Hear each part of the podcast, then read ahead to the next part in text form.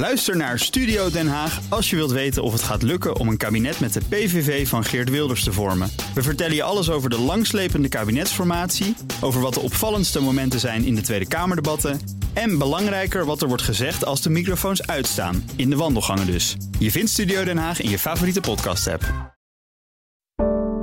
Een goedemorgen van het FD. Ik ben Paulien Swuster en het is dinsdag 27 september.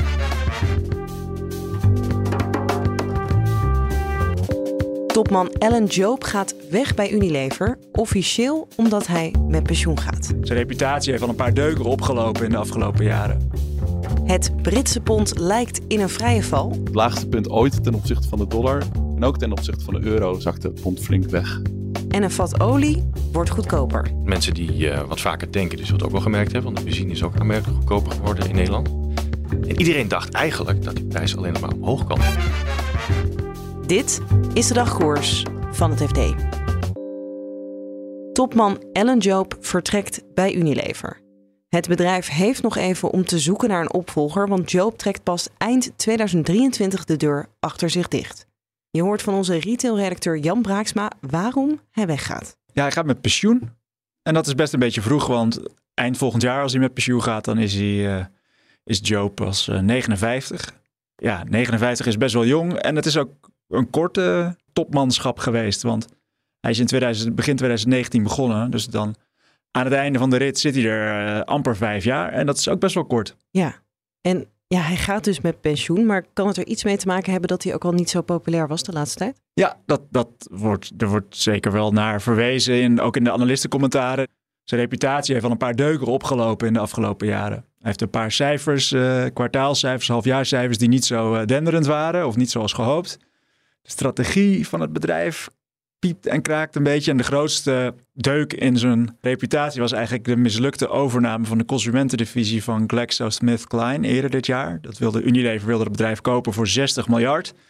En dan denk ik GlaxoSmithKline, wat is dat? Maar dat is het bedrijf achter Aquafresh, Advil, Centrum, weet je wel, die voedingssupplementen. Dus dat soort, uh, ja, dat soort goederen en producten wilde, wilde Unilever gaan binnenhalen. Maar de aandeelhouders en analisten waren echt vond het zo'n slecht idee. De koers daalde enorm. Dus dat plan is snel weer, uh, ja, weer verlaten. En dat, maar goed, dat bleek wel een behoorlijke deuk. Want normaal gesproken, als je zo'n grote overname doet, ja, dan pols je als bedrijf toch wel een beetje van, ja, hoe, hoe denken de aandeelhouders hierover? Hoe zou dit vallen als we dit eventueel zouden gaan doen? Nou, dat was een totale misrekening. Ja. En ja, het leek ook een beetje op een vlucht naar voren, omdat het bedrijf niet zo goed liep. Dus het groeide minder snel. Ze hebben wat minder merken die echt uh, ja, uh, het heel goed doen dan in het verleden. En ook dan de concurrentie. Dus het leek een beetje op een vlucht naar voren. Van als we nu een hele grote overname doen, nou, dan kopen we misschien onze problemen weg. Nou, ja. leek niet zo te zijn. En nu lijkt hem dat misschien toch ook een beetje de kop hebben gekost. Ja, en wat ook meespeelt is uh, dat de aandelenkoers van Unilever erg achterblijft bij concurrenten. Dan zijn de aandeelhouders beginnen een beetje te morren. Er is een activistische aandeelhouder sinds eerder dit jaar aan boord. Dat zijn vaak van die beleggers die uh, verandering willen. En zeggen mensen zeggen, jij doet het niet goed. Uh, dat, daar, daar kijken ook wel wat mensen naar van, oh, misschien heeft dat er wat mee te maken. Las bij de Financial Times, onze Britse concurrent, dat er al gezegd werd, nee, hij was altijd al van plan om het maar vijf jaar te doen. Tenzij die overname was gelukt, dan had hij het nog wel een paar jaar willen doen. Maar goed, dat is ook wel een beetje spin die hem nu heel goed uitkomt.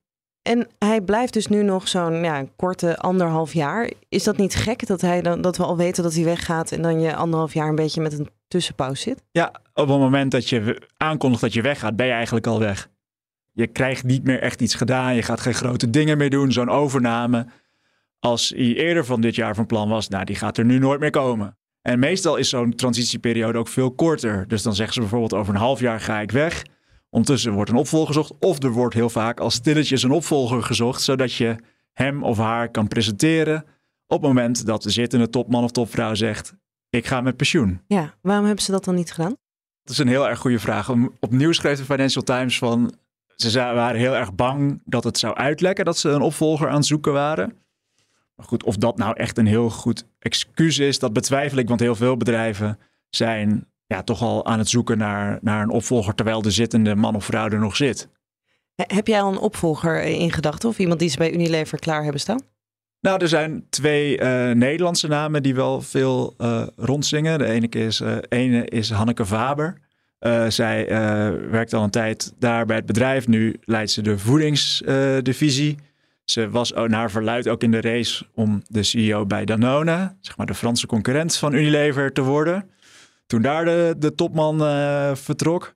Dus dat is iemand die nou ja, genoemd wordt. Ze zouden ook voor een andere Nederlandse kunnen gaan, Connie Braams marketingbaas. Uh, ja, die, die, dat zijn toch ja, de, de, de, namen denk ik die voor de Nederlanders het interessant zijn. Er zijn natuurlijk, het bedrijf zegt we kijken ook extern. Dus feitelijk gezien kan het iedereen zijn. Ja, hoeft ook geen Nederlander te Het hoeft ook geen Nederlander te worden. Het is een Brits bedrijf tegenwoordig. Hè? Dus het zou natuurlijk ook voor de hand liggen om een Brits of een Anglo-Saxisch iemand te vinden. Maar uh, ja, het is ook een bedrijf met een sociaal profiel. Dat graag wil laten zien dat ze sociaal betrokken zijn, dat ze ESG hoog in vaandel hebben. Ja, als je dan een vrouw kan aandragen, die het ook nog eens goed doet bij het bedrijf en die een, vlammende carrière daar maakt, ja, dan zou dat ook zomaar, uh, is het logisch dat die in ieder geval op de lijstjes uh, verschijnen. Het Britse pond stond gisteren op het laagste punt sinds 1985. De val van de munt is een reactie op de plannen van de nieuwe regering, vertelt correspondent Joost Dobber. Wat is aangekondigd is een uh, serie belastingverlagingen die neerkomt op 45 miljard pond per jaar, wat echt een kolossaal bedrag is. En dat zijn belastingverlagingen die ook nog eens vooral bij de rijkste Britten terechtkomen. De ouderwetse trickle-down economics, dat uh, de voordelen voor de rijken doorcijpelen naar de armen. Uh, waarvan maar zeer de vraag is of dat daadwerkelijk gebeurt. Maar goed, daar kunnen we nog een hele andere podcast over opnemen. Nu is vooral belangrijk dat die grote belastingverlagingen samengaan met een groot pakket, uh, een steunpakket voor huishoudens voor de hoge energieprijzen. En dat al die miljardenplannen gefinancierd worden door de staatsschuld op te voeren, wat ook wel controversieel is. En daar reageerden de financiële markten flink op. Wat gebeurde er? Afgelopen vrijdag zagen we al dat uh, bij de aankondiging van die plannen uh, het pond heel erg in waarde daalde en dat de Britse staatsobligaties, de rente daarop, hè, de kosten die de Britse staat moet maken om geld te lenen, dat die heel erg stegen. En toen dit weekend zei minister Kwasi Kwarteng, dat is de minister van Financiën, die zeiden nou ja, die, over die belastingverlagingen, um, we gaan er nog veel meer doen. Dit was pas, dit was pas het begin. Uh, nou ja, dat, uh, dat was duidelijk niet wat de markt wilde horen. Want uh, toen maandagochtend zakte het pond met bijna 5% tot het laagste punt ooit ten opzichte van de dollar. Um, 10-jaarsrente, dat, is, dat is de benchmark waar iedereen altijd naar kijkt. Uh, die uh, steeg voor het eerst sinds 2010 weer boven de 4%. En eigenlijk de grootste stijging zag je bij de kortlopende leningen. Hè, want die zijn veel gevoeliger voor veranderingen in de rente. En de verwachting is misschien dat, of zeker dat de Bank of England zal moeten ingrijpen om, om de markten weer een beetje te kalmeren. Maar die, de, de rente op tweejaarsrente, tweejaarsleningen is in twee dagen met een vol procentpunt gestegen, wat erg veel is. Ja, en de centrale bank, ja, die is natuurlijk onafhankelijk. Hoe staan zij erin? De centrale bank zit een beetje in een lastig pakket. Ze hadden afgelopen week al dat zij op donderdag met een, uh, rente, een rentebesluit hadden ingepland en daar uh, de, de rente hebben opgetrokken. Hè? Dus daarmee rem je eigenlijk de economie een klein beetje af en kun je de inflatie beteugelen. En de dag erna kwam de Britse regering met het enorme stimuleringspakket waar we het net over hebben gehad. Dus die twee werken, hè? het monetaire beleid en het begrotingsbeleid uh, werken eigenlijk een beetje tegen elkaar in. Maar goed, nu, nu dus het uh, pond weer onder vuur kwam uh, te liggen en staatsobligaties weer onder vuur kwamen te liggen, uh, is de, de speculatie over dat, dat, dat de centrale bank misschien op korte termijn tussentijds iets zou moeten doen flink toegenomen. Nou ja, maandag zagen we op het eind van de dag dan toch nog een verklaring van de centrale bank dat ze dat nu nog niet gaan doen. De vraag is, kunnen ze dat volhouden deze week? Uh, want toen ze maandag zeiden van nou, we gaan nu nog niet ingrijpen, we gaan nu nog niet tussentijds de rente verhogen of ze hebben nog een aantal andere knoppen waaraan ze kunnen draaien. Um, maar goed, toen ze dat uh, bekend maakten, toen uh, zakte meteen de pond weer, weer weg. Het lijkt me wel onhandig dat je als kabinet en Bank of England gelijk zo tegenover elkaar staat. Ja, voor het kabinet denk ik dat het een beetje past in hun, hun, hun verhaal. Liz Truss heeft tijdens de campagne uh, beloofd dat zij, hè, haar formulering was de Treasury Orthodoxy, hè, de, de orthodoxie van het ministerie van Financiën zou gaan doorbreken. Dat ze dingen anders zou gaan aanpakken. En ze zocht ook duidelijk, had ze veel kritiek op uh, het beleid van de Bank of England. Dus voor haar komt het er misschien, het past een beetje in haar verhaal. Dus voor haar komt het er misschien niet eens zo heel slecht uit. Maar voor de Bank of England is het echt lastig, zeker. Ja. Ja, en je kan ook niet het laten, die vrije val, maar laten doorgaan natuurlijk. Nee, nee, ja, dat is dus ook waarom nu na die verklaring van uh, Andrew Bailey, hè, de gouverneur van de Britse Centrale Bank, zag je ook meteen commentaren opduiken van, nou ja, dit is dan nu wat ze zeggen voor 24 uur, 48 uur. Laten we kijken hoe lang ze dit kunnen volhouden. Want inderdaad, um, als uh, op dinsdag en woensdag en donderdag uh, die Britse munt en die Britse staatsobligaties weer onder vuur komen te liggen, ja, misschien moeten ze dan toch echt wel ingrijpen. En dan gaan we tot slot naar de oliemarkt. We hoorden steeds: olie blijft schreeuwend duur. Maar nu gebeurt er iets geks, vertelt Jeroen Groot, die grondstoffen voor ons volgt. Nou, het is best opmerkelijk inderdaad wat er gebeurt op de oliemarkt nu. Gisteren ging de prijs voor een vat Brentolie onder de 85 dollar per vat. Dat was in de zomer was het nog 123. Dat is echt best wel een, een heftige beweging. Mensen die uh, wat vaker tanken, die zullen het ook wel gemerkt hebben. Want de benzine is ook aanmerkelijk goedkoper geworden in Nederland. En iedereen dacht eigenlijk dat die prijs alleen nog maar omhoog kan. Maar uh, wat je nu ziet is eigenlijk in één woord samen te vatten. Recessieangst. Uh, de rente gaat omhoog. Mensen zijn heel bang dat er een economische recessie aankomt. Uh, en bij een recessie vermindert de economische activiteit. Heb je ook veel minder grondstoffen nodig. Veel minder ruwe olie. Ja. En er is nog iets wat meespeelt. Tegelijkertijd gaat ook de koers van de dollar heel erg omhoog. En grondstoffen, ruwe olie, wordt altijd afgerekend in Amerikaanse dollars. Dus dat betekent dat als je uh, een andere valuta hebt, zoals wij bijvoorbeeld met de euro, dan wordt ruwe olie relatief gezien duurder. Ja. Dus je hebt er minder van nodig. Het spul wordt ook duurder. Dat heeft ook weer effect op de vraag. Dus op dit moment hebben we zelfs uh, een overschot op de oliemarkt. Blijft dat dan ook zo? Verwacht je dat? Nou, de algemene verwachting is eigenlijk op de wat langere termijn niet. Er werd altijd gezegd, je moet naar uh, het aanbod kijken van olie. Mm Op dit moment wordt er maximaal geproduceerd. Er is heel weinig reservecapaciteit.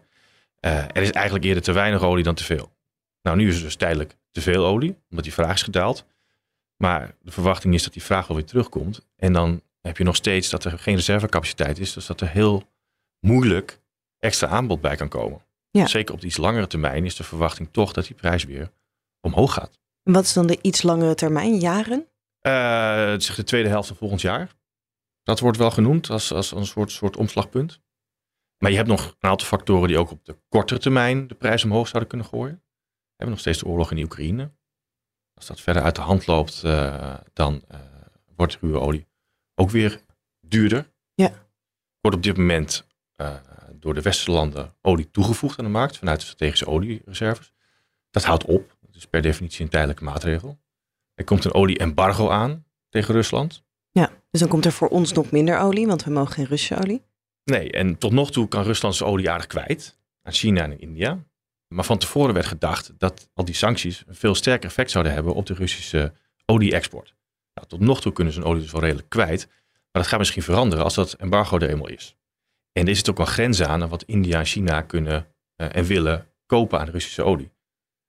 Dus ja. als wij het dan niet kopen en het gaat niet naar India en het gaat niet naar China, dan is er in totaal uiteindelijk minder olie. Is dat voor Rusland goed, slecht? Is dit strategisch slim?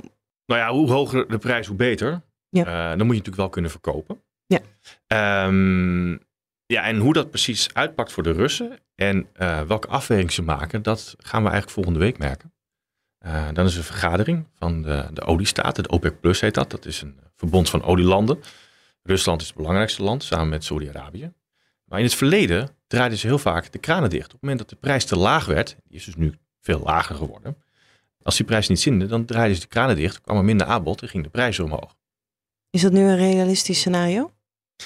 Het is heel moeilijk te zeggen. Ze zijn notoire onvoorspelbaar, uh, die besluiten van die uh, olielanden. Ik bedoel, de afgelopen maanden was iedere keer zo'n vergadering een non-event.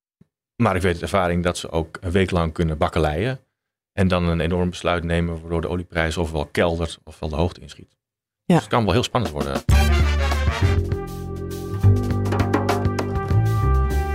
Dit was de dagkoers van het FD.